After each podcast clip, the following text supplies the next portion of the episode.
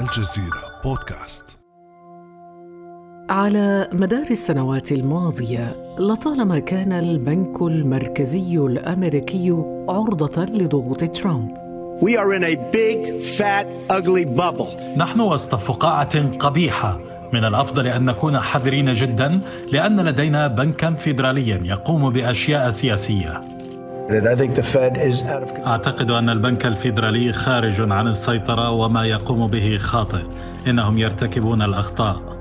ولأن البنك الفيدرالي الأمريكي لم يخفض أسعار الفائدة إلى أقل من الصفر كما يرغب ترامب. يرى الرئيس الأمريكي بأن بلاده مهددة من القوى الاقتصادية العالمية الأخرى. You know what? Other countries are doing it. Look at Germany, look at Japan, look at others. انظروا إلى ألمانيا، انظروا إلى اليابان والدول الأخرى. أعتقد أن علينا أن نفعل مثلهم.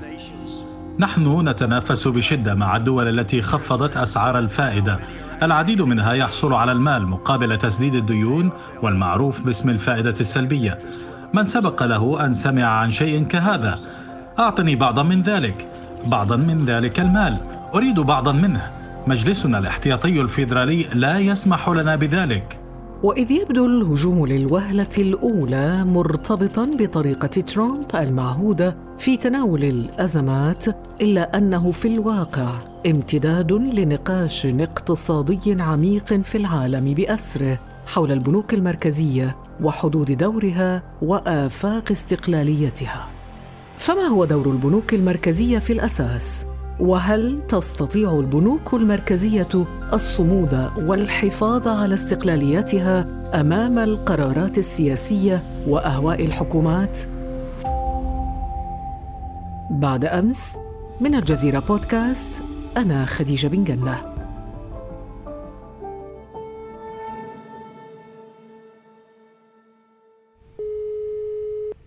أرحب بكم وبضيفنا اليوم الصحفي ومسؤول صفحة الاقتصاد بالجزيرة نت زميلنا محمد أفزاز. أهلا وسهلا بك أستاذ محمد. أهلا وسهلا بك وبالمستمعين الكرام. أستاذ محمد أفزاز اليوم وقد يواجه النمو الاقتصادي أكبر أزمة له منذ عام 2008 طبعا بسبب تفشي فيروس كورونا المستجد تتجه اليوم البنوك المركزية حول العالم إلى اتخاذ تدابير لدعم الاقتصاد.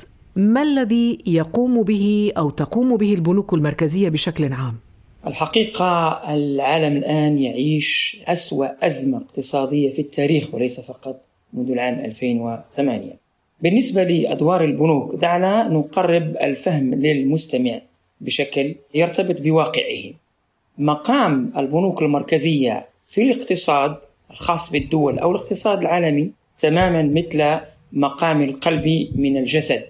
القلب يضخ الدم والبنوك المركزية تضخ الأموال. القلب يحرص على ضبط دقات ونبضاته وكل ما يتعلق بتدفقات الدم نحو الأعضاء الأساسية في الجسد حتى يتمتع بصحة جيدة وبنمو جيد. نفس الأمر بالنسبة للبنوك المركزية. دورها هو ان تضخ السيولة الكافية في الاقتصاد ولكن في نفس الوقت أن تضخ بالطريقة السليمة التي تسمح بأن يتحرك هذا الاقتصاد بحيث لا يزعج كل الكيانات المرتبطة في الاقتصاد من مستهلك ومنتج وبنوك. عندما نجري يحتاج القلب أن يضخ أموال إضافية أليس كذلك؟ نفس الأمر البنوك المركزية عندما تنتعش دورة الاقتصاد يحتاج البنك المركزي أن يضخ أموال إضافية. ولكن هل في حياتنا نحتاج دائما أن نجري ثم نجري ونركض؟ لا نحتاج أن نستريح. الاقتصاد عندما يصل إلى مستوى الذروه يدخل في مرحلة انكماش أي العودة إلى الأصل هنا يعود البنك المركزي لكي يمتص السيولة من جديد من الأسواق. إذا أهم دور بالنسبة للبنك المركزي هو أن يضبط حركة الأموال في السوق لأنه هو الذي يخلق هذه النقود من الأصل. لا نتصور أن كل واحد يمكن أن يخلق الأموال من نفسه أو الحكومات يمكن أن تصدر أموال. الأموال والنقود تصدرها البنوك المركزية وهذا حق قانوني لها لأن هي التي تكتسي هذه الشرعية. إذا هذه الأموال تدخل إلى الاقتصاد بهذه الطريقة. له آليات تسمى بالسياسة النقدية. أبرزها هو سعر الفائدة. ماذا يعني سعر الفائدة؟ يعني أن البنك المركزي عندما يحتاج الاقتصاد إلى أموال وسيولة يخفض سعر الفائدة. وعندما يخفض سعر الفائدة بمعنى يتيح للبنوك العادية التي نتعامل معها نحن كمستهلكون يتيح لها أن تقرض للمستهلكين أموال بأقل كلفة. ماذا أفعل أنا أو أنت أو أي مواطن؟ يقبل على الاقتراض بأقل كلفة لأنها بالنسبة إليه تكون قليلة من حيث العائد. إذا نأخذ هذه الأموال يأخذها المستثمر نشتري بها نرفع الطلب يأخذها المستثمر يدخلها في الإنتاج فتبدأ حركة الاقتصاد بالدوران. لكن هنا ترتفع الأسعار فيحصل عندنا تضخم. ماذا يعني التضخم؟ أن الأموال تفقد قيمتها الحقيقية وقدرتها الشرائية. يعود مرة ثانية البنك المركزي فيرفع أسعار الفائدة. ثم البنوك التجارية ترفع أسعار الفائدة فأنا أحجم وأنت تحجمين والمواطن والمستثمر يحجم عن أخذ القروض. وهكذا نضبط الأموال في الأسواق. هذه الدور الأساسي للبنك المركزي هو سعر الفائدة. طيب اذا البنك المركزي هو الذي يحدد سعر الفائدة لكن أستاذ محمد يعني جميل تشبيهك وهو يعني تشبيه يبسط المفاهيم لنا وللمستمعين تشبيه بأنه كالقلب النابض في الجسد لكن إذا مرض هذا القلب النابض يمرض الجسد كله. عندنا المثال اللبناني مثلا البنك المركزي. طبعا لبنان دولة مفلسة اليوم. هل مرض البنك المركزي كان سببا في مرض لبنان مثلا؟ بكل تأكيد عندما نقول في الاقتصاد بأن البنك المركزي هو المقرض الأخير أو الملاذ الأخير أو وعاء لحل الأزمات إذا عجزت الحكومات.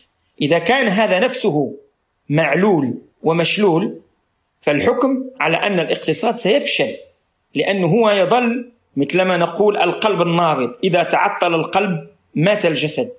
وإذا مرض القلب أصبح الجسم معلولا. إذا البنك المركزي يفترض أن لا يصاب بالمرض اطلاقا. نعم ولكنه يصاب بالمرض خلال الأزمات. هنا نتحدث عن دور البنوك المركزية في وقت الأزمات. فمع الأزمة المالية العالمية سنة 2008 بدأ أن دور البنوك يعني بصدد التغير وأن تدخلها أصبح يتجاوز تحديد نسب الفائدة كما شرحتها قبل قليل قصد التحكم في التضخم. عام 2008 خاضت البنوك المركزية التجربة الأكثر جرأة في تاريخها الحديث. صحيح البنك المركزي الأمريكي أو الفيدرالي الأمريكي اتبع سياسة نقدية غير تقليدية تسمى بسياسة التيسير الكمي أو التيسير النقدي. ماذا فعل البنك المركزي في الأزمة المالية في العام 2008 أي الفيدرال الأمريكي؟ ضخ مليارات الدولارات في الاقتصاد الأمريكي بشكل مباشر حتى يحصل المستهلك من جهة والشركات من جهة وتحديدا البنوك التي دخلت في دائرة الإفلاس من جهة أخرى على أموال استثنائية لم تكن موجودة في السوق من البداية لتعيد البنوك مرة ثانية إقراضها للمواطنين وللمستثمرين وللشركات ليقوم المواطن والشركات والمستثمرين بضخها مرة أخرى في الأسواق. إذا كانت البنوك بحاجة إلى سياسة نقدية تتجاوز سعر الفائدة والاحتياط الإلزامي أو السياسة النقدية التقليدية إلى سياسة نقدية غير تقليدية أي ضخ أموال ضخمة في جسم الاقتصاد حتى يتحرك من جديد.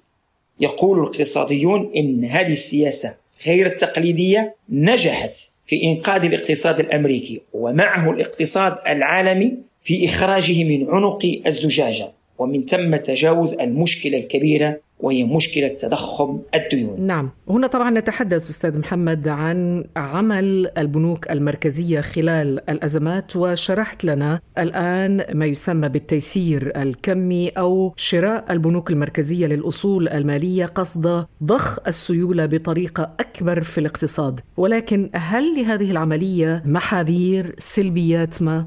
نعم أهم وأكبر محذر يتعلق بهذه السياسة هو جبال الديون التي يمكن أن تتراكم على المؤسسات وعلى البنوك وعلى الأفراد في مرحلة لاحقة. أي عندما ينتعش الاقتصاد أكون أنا وأنت والشركة الفلانية والبنك المركزي نفسه قد راكم أموال كبيرة لأن هذا البنك الذي ضخ البنك المركزي الذي ضخ أموال في الاقتصاد عندما ينتعش الاقتصاد يعود فيبيع السندات التي كان قد أخذها في الأول لكي يجمع الأموال من جديد أليس كذلك؟ من السوق نعم. يجمع هذه الأموال فتتضخم ميزانيته بشكل كبير جدا وتتضخم الديون عند الدول وتتراكم جبال من الديون لا نستطيع أن ندبرها وهذا الذي سبب أزمة مالية خانقة في الاتحاد الأوروبي مثلا أو في منطقة اليورو فيما بعد الآن مثلا بالأرقام حجم الديون على الصعيد العالمي. هذه الجبال من الديون قدرت بنهاية العام 2019 ب 255 تريليون دولار.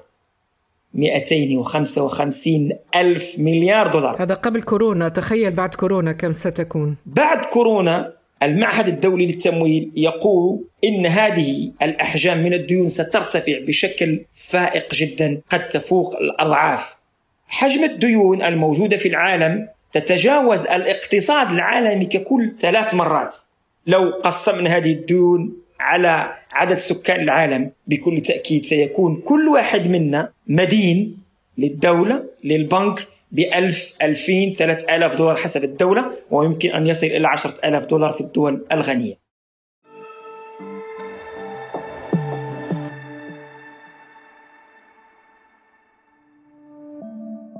ابدأ بالاستماع الآن ولا تنسى تفعيل زر الاشتراك الموجود في تطبيقك لتصلك حلقاتنا اليومية فور صدورها. ابقى على تواصل مستمر مع الجزيرة بودكاست عبر صفحاتنا على فيسبوك، تويتر وإنستغرام.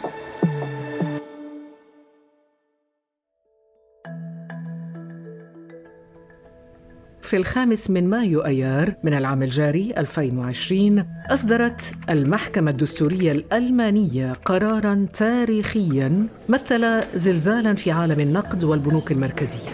إذ قضت المحكمة بأن البنك المركزي الأوروبي قد تجاوز حدوده في دعم الاقتصاد فيما يعرف بالتيسير الكمي بين عامي 2015 و 2019 وإذا كان هذا القرار لا يتعلق مباشرة بأزمة كورونا وخطط الإنقاذ القائمة إلا أنه يبقى مؤشرا على صعوبة العلاقة بين الحكومات والبنوك المركزية.